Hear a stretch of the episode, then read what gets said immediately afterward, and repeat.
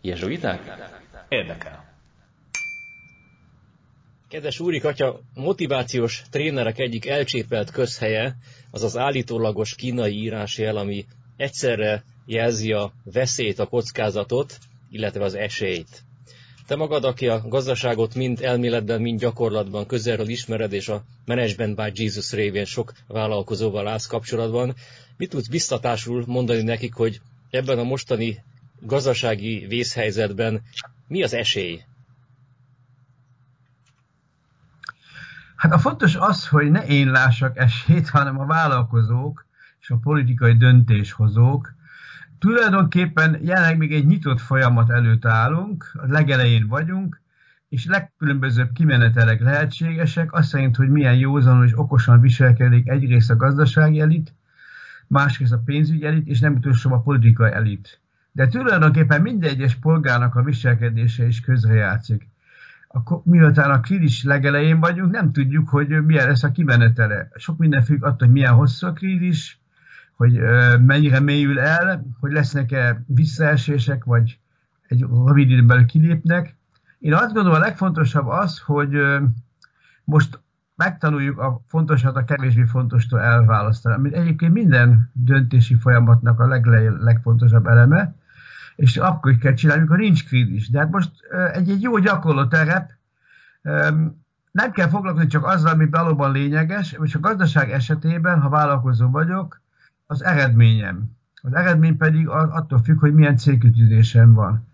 Hogy nekem a, mi áll előtérben, mondjuk a lakosság ellátása egy élelmiszerlánc esetében, vagy a gyógyszeripar esetében, vagy, vagy pedig ki akarom használni a lehetőséget, és most azt mondom, most olcsóbbak a váltak, most fel tudom vásárolni a konkurenciát, amire 10 hónap előtte, sőt még egy hónap előtte sem volt lehetőségem. Tehát rengeteg lehetőség nyílik, csak választani kell, hogy melyik a legfontosabb. Biztatnál-e bárkit ebben a nagyon gyorsan váltó helyzetben, hogy akár olyan konkrét fölvásárlási vagy befektetési döntést hozzon, ami jelenleg akár jó ötletnek tűnik, de lehet, hogy fél év múlva már egy katasztrofális csődhöz vezet? Hát én nem biztatnám arra, hogy ezt vagy azt tegye, hanem azt arra biztatnám, hogy használja a Szent Ignáci megkülönböztetés szellemét, amelynek egy legfontosabb kiinduló pontja, hogy előzőleg felveszek egy közömbösséget, ahogy a Szent Ignác mondja, az indiferenciát, vagyis nem úgy indulok bele a gondolkodásba, hogy hát előre meghatározom, most, hogy fel akarom vásárolni Schwarz és társait cégét, hanem azt mondom, hogy jelenleg ilyen és ilyen lehetőségek vannak, ilyen is ilyen veszélyek vannak, ilyen körülmények között most nézzük meg, hogy mi a leghelyesebb cselekvés. Vagyis a cselekvési öm, módszer, az, hogy hogyan döntök, ez rendkívül fontos, és ez van egy kritérium, van egy egyszerű közgazdasági kritérium, amit én most mindennél jobban ajánlok, ez a 80-20-as törvény. Mit mond ez? Paretónak a híres törvénye azt mondja, hogy az eredmények 80%-a a bevetett erő 20%-at függ. Ez a törvény mindenre igaz. Tehát az adományozásra épp úgy, mint a iparra, a kereskedelemre, a behozatalra és a kivitelre, stb. Azt kell megnézni, hogy az én cégem eredménye, ha most számokba akarom kifejezni, eh, mennyire függ az egyes elemektől, és akkor csak azokra koncentrálok, amelyek létfontosságúak. Ilyenkor abba kell hagyni, és félre kell tenni mindent, ami harmad-negyed rendű, még akkor is, ha szerelmes vagyok ezekben a dolgokba, és csak arra koncentrálni, ami lényeges. A második pont pedig az, vagy a harmadik, nem tudom, hol tartunk, az, hogy erre meggyőzem munkatársaimat. Egyetlen egy vállalkozó se fogja egymagában megmenteni a cégét, egyetlen egy miniszterek se fogja egymagában megmenteni az országot, csak is az összefogásban. És ehhez mozgósítani kell a legjobbakat, vagyis azt a 20%-ot, amely ebben az esetben is elhatároz, meghatározza az eredmény 80%-át. Melyek azok a munkatársaim, amikre feltétlenül számíthatok, és amikre építek? És akkor elhanyagolom egy pillanatnyilag a többit, mert most nem arról van szó, hogy százszázalékos eredményt érjek el, hanem hogy azzal a egy ötöddel elérjem a négy ötödét a céljaimnak. És ez elég, tapasztalat szerint. A Magyar Kurír Katolikus Hírügynökségen olvastam a napokban egy érdekes fölhívást. A 2008-as válságra utaltak vissza, és azt mondták, hogy, hogy akkor is rengeteg ember elveszítette az állását. De voltak olyan cégek, amelyek nem 10-20-30%-os létszám leépítéssel próbálták átvészelni a válságot, hanem azt mondták a dolgozók, hogy mindenki lemond egy havi fizetéséről, béréről, juttatásáról, annak érdekében, hogy a saját kollégáinak megmentse a munkahelyét. Most ez egy nagyon szép és nagyon szolidáris döntés, de kérdés, hogy az a cég, ami esetleg most megrodjan, és piacainak és tevékenységének jó részét elveszíti, akár ilyen nemes gesztussal érdemes-e megtartani a munkavállalóit? Én most itt a józan nem nemes gesztusról beszélnék, hanem egy okos döntésről. Az is hozzá, ott, ott talán nemesnek lehet mondani, ha mindenállal érzelmet akarok belevinni, hogy ezek a vezetők hát magukkal kezdték. Ezek a vezetők magukkal kezdték, vagyis saját maguk is lemondtak. Ez egyébként nem csak egy nem, um, gazdasági krízis esetén, hanem nezedik krízis esetén is igaz. Trianon után, amikor az ország valóban darabjai hullott szét, az akkori magyar kormány Betlen Istvánnal élén elhatározta, hogy csökkenti a saját jövedelmét. És minél magasabb rangú volt valaki mondjuk a miniszter hierarchiában, annál magasabb arányban csökkentették a fizetését. Ezt mindenki elfogadta, vagy tudta, hogy össze kell fogni. Én azt gondolom, hogy prédikáció helyett itt példamutatásra van szükség. Ez segíti a döntésre a munkavállalókat, ha látják, hogy a főnök is példát mutat. De ez egymagában nem elég, meg kell találni azt a stratégiát, amelyben az egész csapat hisz, és ami azt mondják, hogy ezért érdemes bemenni túlurázni, dolgozni, ezért érdemes otthonról dolgozni, ezért érdemes időt áldozni, és akkor nem azt nézem, hogy mit fogok csinálni majd a krízis után, hanem most mit tudok tenni, mert most kell dönteni. Az elmúlt napokban a magyar kormány is eh, válság eh, kármentő intézkedéseket hozott, különböző szektorokban turizmus és társai adócsökkentés, járulékel törlés átmenetileg. Mennyire van szerepe szerinted a mindenkori kormányoknak, illetve államoknak Magyarországon és külföldön egy ekkora fokú válság terhének a csökkentésére, illetve ezzel kapcsolatban összefüggésben emlegeti sokan a alapjövedelmet, hogy Amerikában, Magyarországon egy ilyen krízis helyzetben ez a szocialisztikusnak tetsző elképzelés akár kiúzhatja a csávából a vállalkozásokat, illetve az embereket. Hát próbáljunk egy párhuzamot vonni. A legnagyobb krízis a modern korban az az 1929-es volt. Ott uh, utólag Bernék is a Fednek az elnök belismerte, hogy ők voltak a hibásak. Vagyis azáltal, hogy vészesen csökkentették a pénzforgalmat, kiprovokálták a világgazdasági válságot, és nem kell összetévenni egy ciklikus, magától megoldódó krízist, amelyben rendszeresen része vagyunk a modern ipari társadalomba, és a mélyreható krízist, amely a nagy változásoknak az előszere.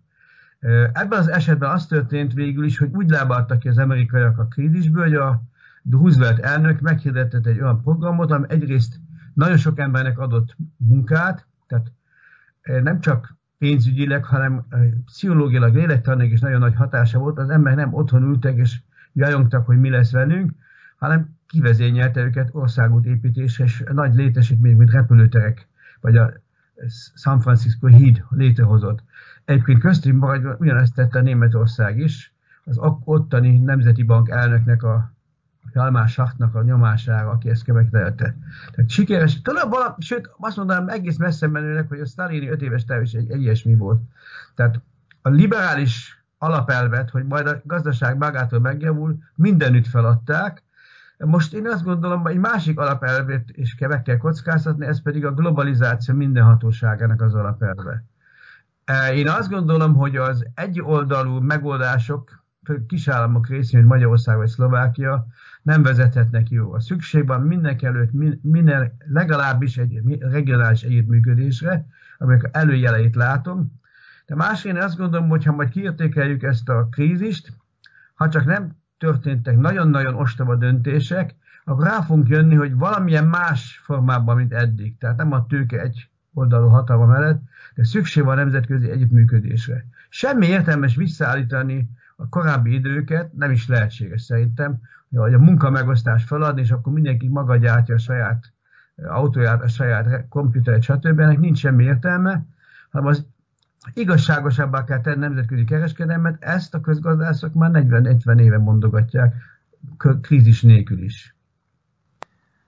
A Management My Jesus üzleti klub, illetve közösség, amit ugye te alapítottál jó pár évvel ezelőtt, rengeteg kis, közepes nagyvállalkozóból áll és van velük kapcsolatban. Én most kon- konkrétan gondolok valakire, nem fogom nevesíteni semmit a cégét, annyit tudhatunk, hogy ki, ki fogod találni, hogy budapesti turizmusban érdekelt vállalkozóról van szó, akinek most itt a tavasz egy darab ügyfele nincsen, és még jó pár hétig, hónapig nem lesz ügyfele bevételei nincsenek, kiadásai viszont vannak.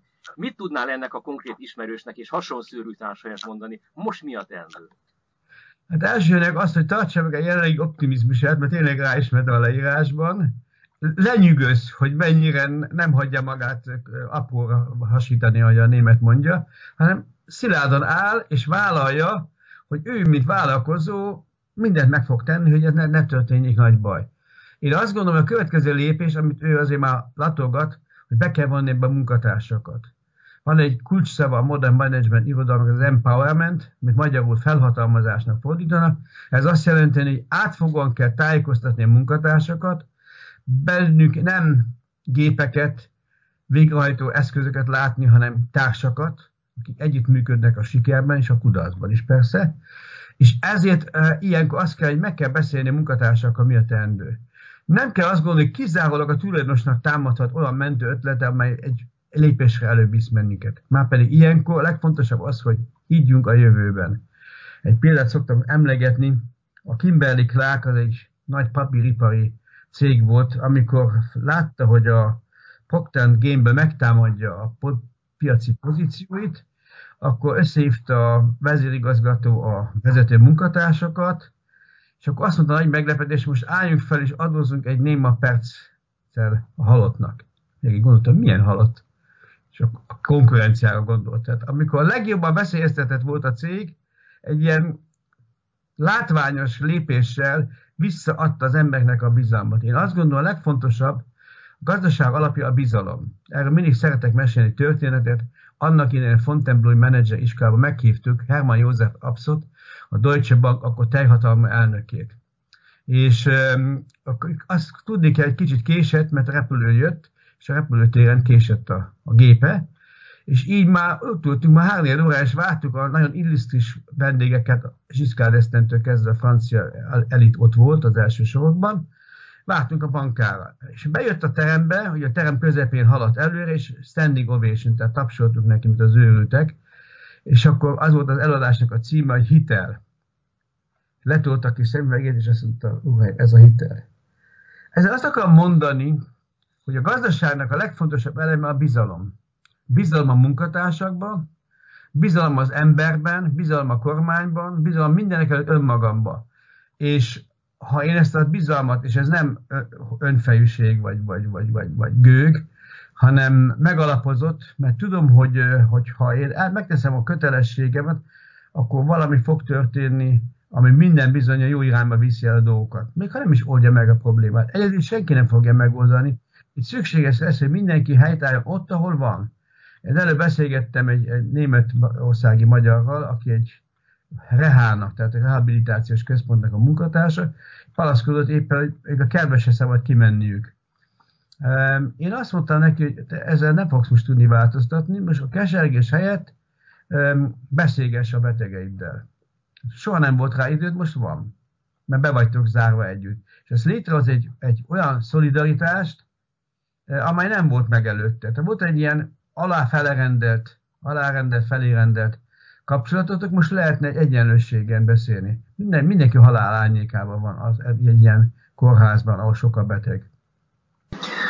Bármennyire is van bizalom a gazdaság szereplői között, azért egy olyan súlyos válság, mint a mostani, itt nagyon sok céget véglegesen valószínűleg le fog írni. Emberek tényleg tömegei fogják elveszíteni az állásukat. Eddig a közgazdasági és menedzser és vezetőképző kisúrikot kérdeztem, most inkább a lelkipásztori kisúrikot szeretném kérdezni, hogy magán szinten közvetlen ismerőseidnek, akik tényleg lehet, hogy bezárják a boltot, elveszítik az állásukat, milyen életstratégiát, életesélyt tudnál fölmutatni, hogy rendben van, a cégednek most annyi, nem tudsz visszakapaszkodni, de hogyan építsd föl az új, esetleg teljesen más szektorban vagy más világban lévő életedet?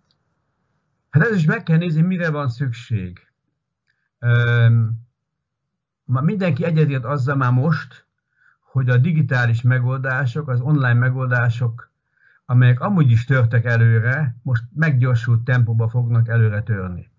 Ha én nekem ez van affinitásom, és érzése nekem például speciál nincsen, de most feltételesen beszélek, akkor érdemes meggondolni, hogy az én üzletemet hogyan lehetne ebben a technológiában megvalósítani. Amit egyébként is meg kellett volna tennem, most akkor kényszerben megteszem. Én azt gondolom, hogy vegyük csak a 29-es válságot. Hányan tudják, hogy a napilapok, amelyek ma ugye visszaszóltak a elektronikus hirdetés miatt, akkor lettek nagyjá. Tehát megtízszerezték a példányszámokat. Miért? Mert nem egy két dolog érdekte, érdekelte kizárólag. Az álláshirdetés és a lakáshirdetés, mert legtöbben kénytelenek voltak a nagy házukba kiköltözni egy kisebb lakásba. Most szerintem most se lesz másképp, mert meg kell találni, és itt nagyon fontos, hogy az agilitás, tehát hogy én kreatívan találjak megoldást az emberek problémáira. Most már nem az ostoba luxust fogják támogatni, hogy a felső tízezek nem fognak változtatni magatartások, de nem is foglalkozom itt. De a tömegek esélye az, hogy olyasmire fordul a figyelmük, ami valós igény, valós szükséglet. A pápai tanács kiadott két-három évvel ezelőtt egy nagyon fontos iratot a vállalkozó küldetéséről. Ott öt pontba foglalja össze a vállalkozó küldetését, de az egyik és a legelején az, hogy és a legsőt az első, jól emlékszem, hogy olyan termékeket vagy szolgáltatásokat nyújtanak, amelyek valós igénynek felelnek meg. És nézzünk körül a világpiacon, nem, de úgy van, hogy nem merem mondani a százalékot, de igen magas arányban vannak azok a termékek, amiket senkinek nincs szüksége. És most nem a mobiltelefonra gondolok, amelyet senki nem igényel, és mégis mindenki boldog vele, hanem mindig olyan kütyüket, amelyeket, tehát hogy, hogy a háztartásban van, semmit nem tudunk kézzel csinálni, hanem minden elektromosan, ennek semmi értelme nincsen. Tehát ez csak az én magánvéleményem. Mindenki fontos meg, hogy mit tart feleslegesen, mit nem. A fontos az, hogy ne azzal foglalkozunk, hogy feleslegesen, az, ami valóban szükség van. Hány olyan igény és szükséglet van, amit nem elégítünk ki? Hogyan lehet ezeket alacsony költséggel és hatékonyan kielégíteni? Aki talál ilyen piacot, annak nyertügye van. És a piacnak nem nagy gondol, most nem nagyba kell gondolkozni, akár kicsibe is. Tehát én azt hiszem, hogy a talpra esett egy, egyedi magánvállalkozónak most meg újra jön az ideje. Úrik, hogyha ezt köszönöm szépen, végszónak is tökéletes. Ha megengeded, én néhány hét múlva ismét behívnálak így a Skype-on keresztül, hogyha jobban látjuk, hogy merre felé megy ez a válság, és a gazdaságban milyen fejlemények vannak, akkor egy újabb beszélgetésre szívesen megívítálnálak téged. Örömmel vállalom. Köszönöm szépen akkor, minden jót kívánok, szervusz! Köszönöm.